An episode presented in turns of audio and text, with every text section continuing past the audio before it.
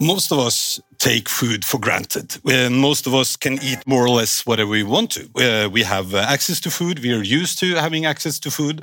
We might not take the best choices always for ourselves, but but uh, we can have food whenever and wherever. But will this continue? And is this a sustainable way? No, of course it's not. By 2050, the global population is expected to hit 10 billion people. This means that uh, to feed everyone, it will take 56% uh, more food uh, than is produced in the world today, according to the United Nations Environmental Programme. And, and they're looking at three specific factors the population growth, uh, the effect of global warming, and also uh, inequality in access to food. And with me to discuss future of food, I'm very pleased to welcome Sissel Beate Rønning from Nofima, uh, Agnes Bing uh, Orgland from Orkla, and also Stine Norum from Food Fuel. Hi there. Hello. Yeah.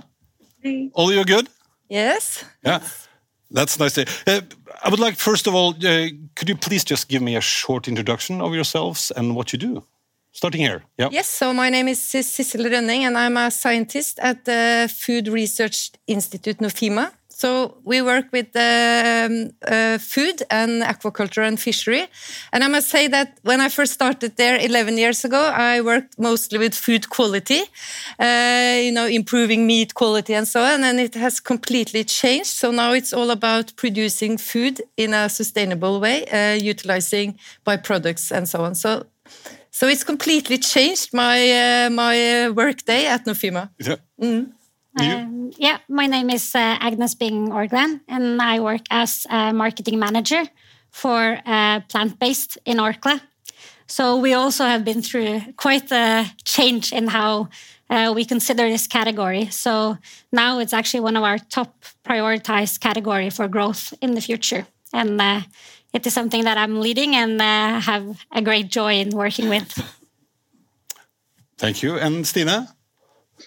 Yes, I'm uh, the CEO and co-founder of Foodful. So it's uh, we just launched this year, so it's the it's the newer uh, company of the of the ones present. So I've always been in the startup scene, and then you know after a few years, you start thinking about how you can use everything you've learned to make a bigger um, impact. And the more we learn about everything going on in the world and cl- climate change, etc., the more uh, we realize that we need to find solutions to some of these challenges. So that's why we started Foodful and we're dedicated to bringing sustainable and delicious food that's good for you and the planet so that you can continue to eat the food you love and save the planet bite by bite. That's our, our main ambition. Yeah. But I would like to continue with you, uh, uh, Stina, because um, as, as you said, uh, in research, when you started, it was about improving quality. Mm. But, but now it's completely changed. It's about, yeah, so, and I, I feel that's what you've started in, in your startup.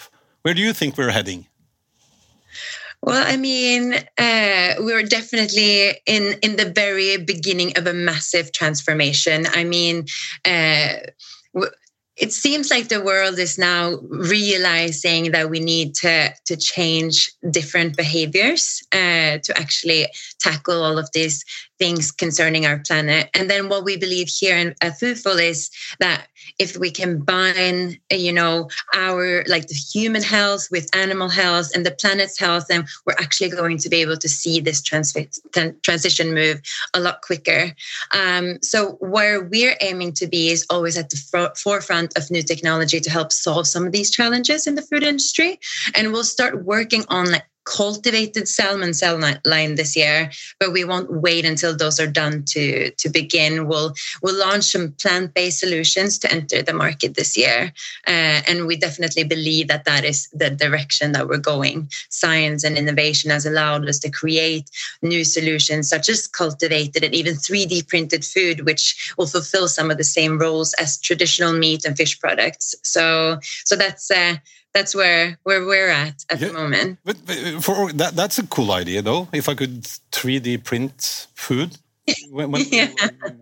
yeah, and it's actually not as science fiction as it sounds either. It's in several stores all over the world, and it's taking uh, it's taking on the restaurant markets. I've seen about thirty restaurants in London, for example, that are now uh, serving uh, three D printed steaks at the restaurant. So it's uh, it, it sounds science fiction, but it's actually not as much as as you would assume. That's that's very cool. But, but Agnes in Orkla, how do you see the future of food?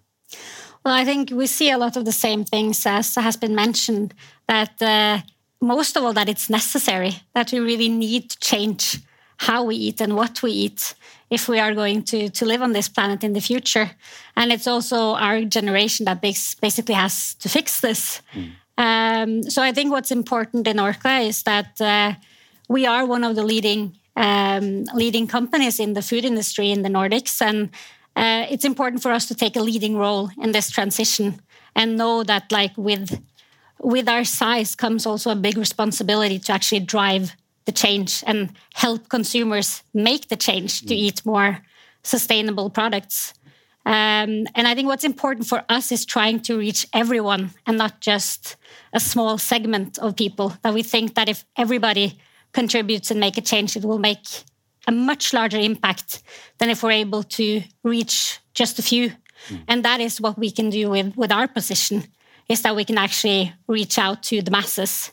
Um, and to do that, I think with uh, with plant-based food, uh, especially like what I'm working with, uh, we need to make sure that we deliver on what's important to people, which is basically taste and texture, and make sure that they can get that really sort of good, juicy experience that they uh, consider today, so that they don't feel that they're giving up on something by changing into into plant based. Mm. And that's basically what we're working with, trying to sort of make win-win solutions for our consumers, so that they believe that they can make the change into plant based without actually uh, losing anything.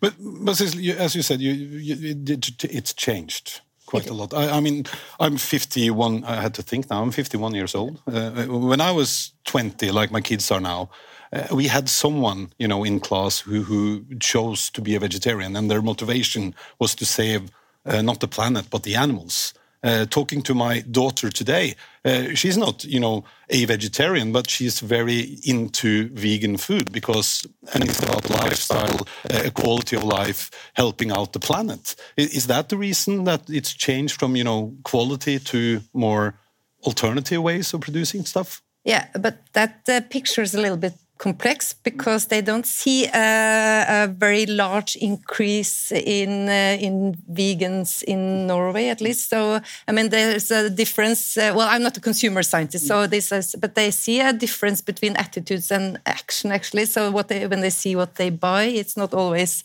so. Uh, always plant based. So they say they would like to be vegans, but uh, what is problem maybe is that not all the products are uh, you know as good as meat. It's uh, so we need still to work a little bit on the technology and to make it taste as good. And uh, and that's what we do a lot in our re uh, research institute is try to make these plant proteins to feel and taste like real meat for example.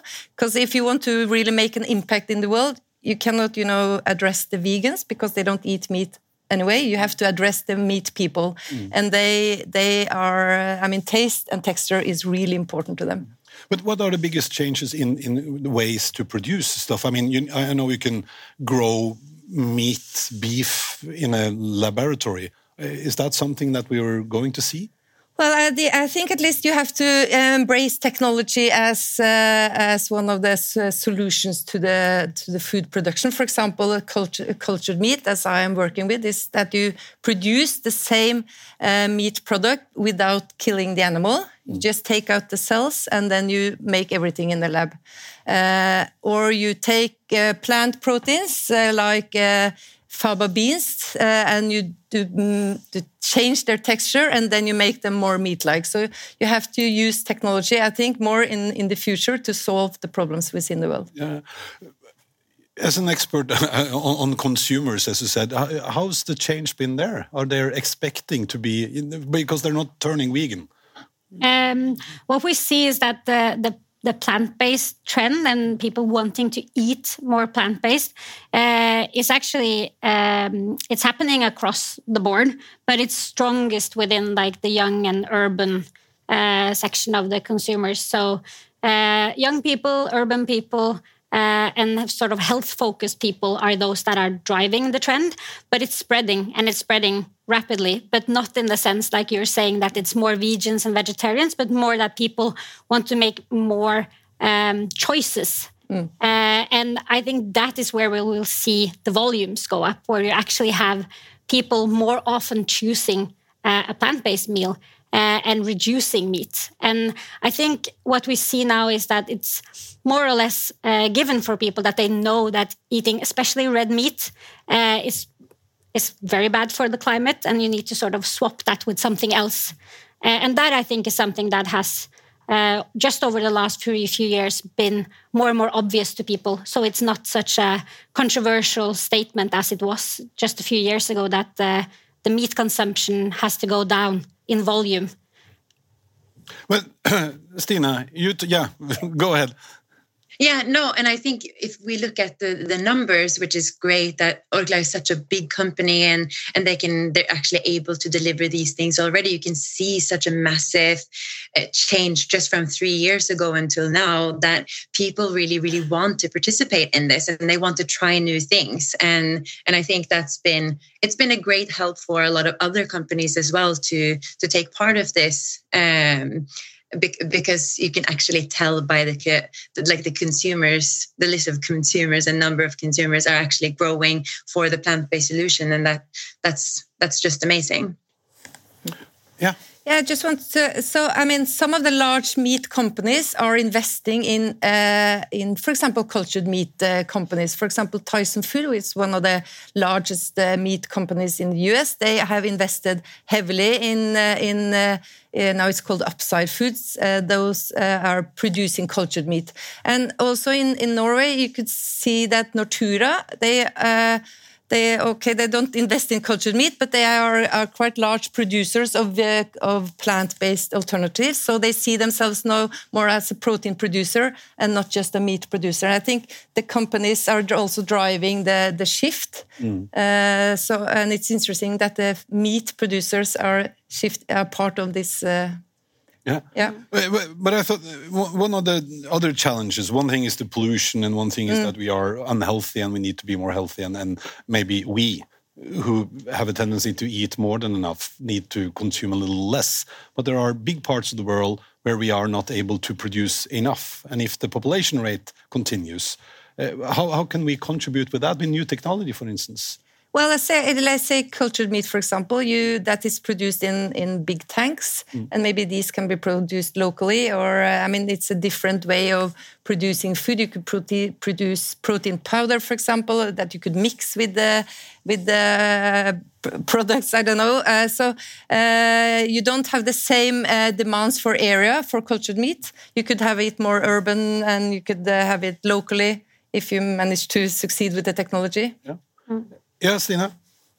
Yeah, and also, I mean, I think what we're seeing in this space in general as well is one thing is to build all this new technology, and there's still a long way to go for this to be scalable, uh, like financially scalable as well. Uh, and and I think what uh, is mentioning is this is the most important thing is to how can we make sure that it's not just us in Norway or Europe or maybe even the US we have access to all this uh, all this amazing and nutritious food. How can we build the technology that will actually make an impact for all of the people all over the world? And I think um, the opportunity to produce locally is a is a massive part of it. And uh, and I think we're seeing that it's on it's very much on the agenda of of uh, some of the most important companies in this space is to figure out how can we make sure that it's accessible for everyone and not just us here in Norway, for example. Yeah, yeah, Agnes. Yeah, I think it's also something about looking at uh, the efficiency of how much you're actually producing that people can eat and that's where for example uh, plant-based comes in that you can you can eat um, for every meat burger, you can have like 14 to 20 plant based burgers with the um, with the same emissions. And also, uh, when you go plant based, you can you actually use the area to grow crops to actually go directly into the product, and you don't go sort of the the way around through an animal. Um, and I think also that is why uh, plant based is is a solution to uh, food scarcity and also the climate uh, the climate issues that we're seeing because you can use the, the area very efficiently to actually grow plants and then put the plants directly into products that are then being eaten mm. and you don't uh, sort of lose the uh, all the sort of energy going through the animal um, and actually to to use land area to grow food for people and not food for livestock uh, is a huge change and will help on the food scarcity uh, situation in the world. Yeah. Yeah, I would also like to comment on that because uh, you know food security is another issue, and it's all uh, and it's uh, difficult for us to not have animal production in, for example, Norway and in many countries. Uh, so we, we cannot only rely. I think it's not feasible that we only have a plant based for example, in Norway, because then we would have to import and then we would have to be dependent on uh, Ukraine, for example, who is the, one of the largest wheat uh, countries. So uh, it's also, I think we need to uh, have some animal production in the future. And then it's also a matter of taking care of the, for example, byproducts and leftovers from animal production. We have a, quite a good system for that in Norway now. We have a large factory taking care of all byproducts from poultry and uh, making those go back to the food chain again. So if you have to kill an animal, you should need uh, to, I mean, you should take care of everything. You should utilize everything. So, yeah. so it's only not plant based, but it's also taking care of the byproducts. I think that's important also for the protein solution. But also to focus uh, on innovation in all the aspects. See, uh, because I think what we will see in the future is that things we thought were impossible. Uh, are now more or less possible. We have been working with, for example, uh, growing uh, Norwegian plant protein, which uh, it hasn't been possible in the um, in the past because you haven't been able to grow uh, high enough quality protein of, for example, fava bean to use it in human food. But now through research, you've actually figured out how you can grow fava beans in Norway that you can use in products, and that's one of the products that we're launching just in a couple of weeks. That we're actually using Norwegian uh, plant protein in our products. So, and that was something that we thought wasn't possible to grow here. So I think it's like always pushing uh, to move things forward and to to really try to see new solutions. And uh, uh, it, it's a very important mindset when you're trying to solve. Uh, the yeah the situation that we're up against yeah yeah because i mean and that's the fun thing about technology and especially now technology developing in the pace it does mm. we can actually set goals to solve things that we don't have the solution for because we're probably going to invent it anyways. I I feel, uh, uh, Stina, that that you're working in that space. You're doing pretty, you know, new ways of, of, of producing food.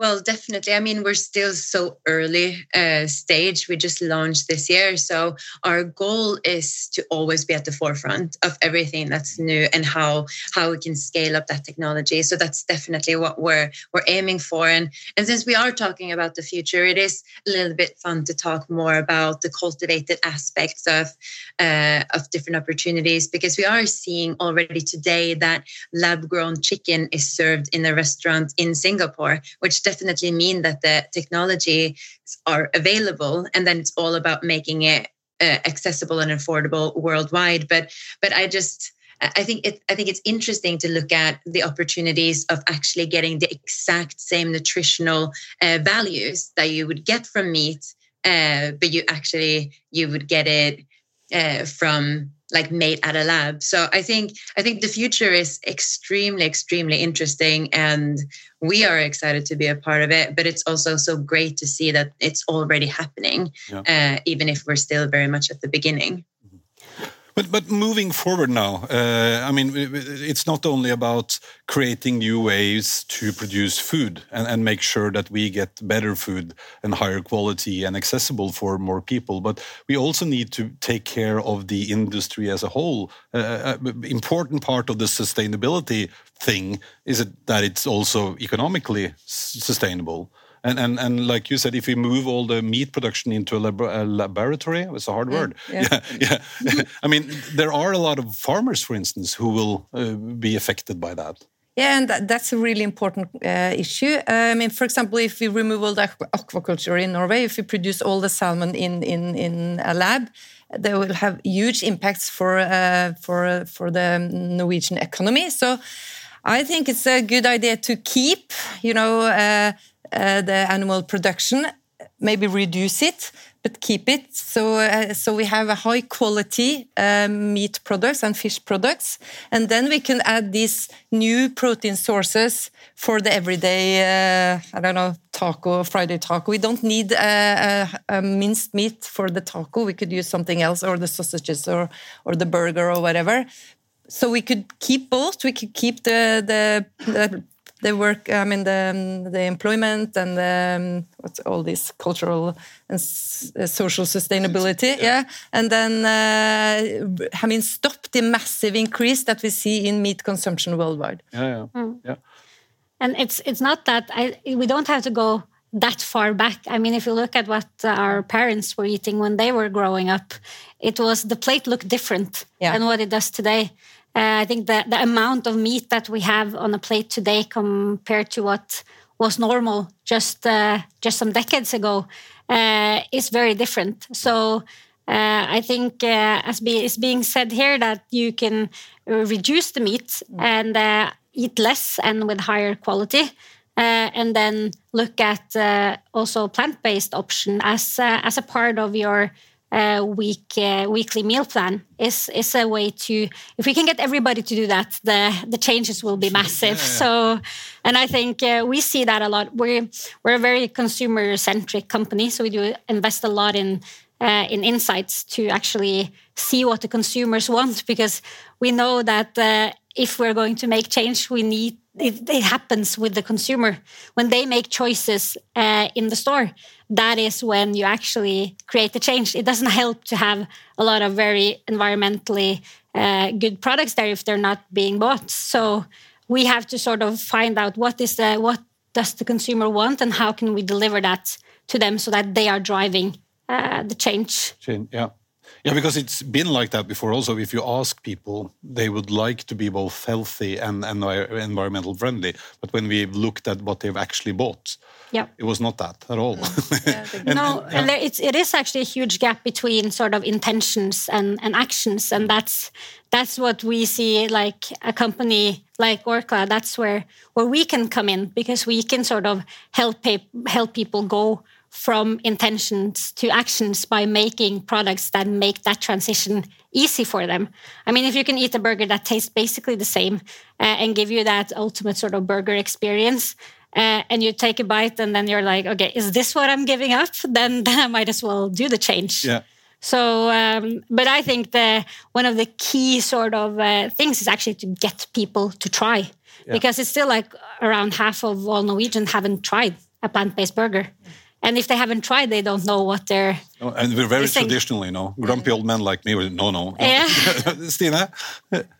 I, I, I see a, a, change there as well, even if we see it more with the future generation. I feel like uh, everyone that I speak to is so interested in trying these new products. So I think I think we'll see a lot more of it going forward. I just wanted to to add to the part about everything in regards to industrial production of meat is if we're going to continue to do both with a growing population, we just need to figure out how that's going to be possible. Because it's not that we need to completely stop eating meat, but we need to stop how we produce it because that's that's the problem. And how are you going to be able to scale it to the population in the way that it's done today when it's already unsustainable? That's that's just my little um, a little being difficult uh, add on to the conversation yeah, because but, I think that's it's a big challenge. Yeah, and, and talking about big challenges, Stina, what do you think will be you know the next big thing that we will see in in the future of food? I think the next big thing will be cultured meat. Mm. I I think uh, when we're going to be able to uh, have in the shops access to food that has the exact same nutritional value, tastes exactly the same, and feels exactly the same at the same price as as meat made uh, not at the lab, uh, then uh, I think uh, people will be people will be super open minded to it. At least that's uh, that's from my point of view. Mm. Agnes, what do you think will be the next big thing? Um, I think that uh, uh, that consumers in general might be a bit more reluctant to actually uh, jump on the next big thing right now. So I think the focus should be on actually getting the masses into uh, what we have available today, and that the options that are there today are already very good. It's just that people have to try them yeah. And see actually because there's it's happened so much just over the last few years in taste and uh, texture and if people just give it a chance they will see that giving up meat for what is there today is actually not that big of a sacrifice mm. so i think the next big thing that we will see is actually the consumer shift yeah. in actually that they see that okay you know what i am willing to make this change and we know from from research that people find it a lot more easy to give up meat a couple of times a week than it is to sort of cut down on uh, vacations uh, by plane or uh, to reduce um, uh, driving their car. Mm. So this, I mean, actually, that consumers realize that this is something I can do and I can manage to do it with not that sort of perceived loss. I think that will be the change, and that will be what is actually going to. Uh, be big enough to make a change and not just uh, be sort of on paper.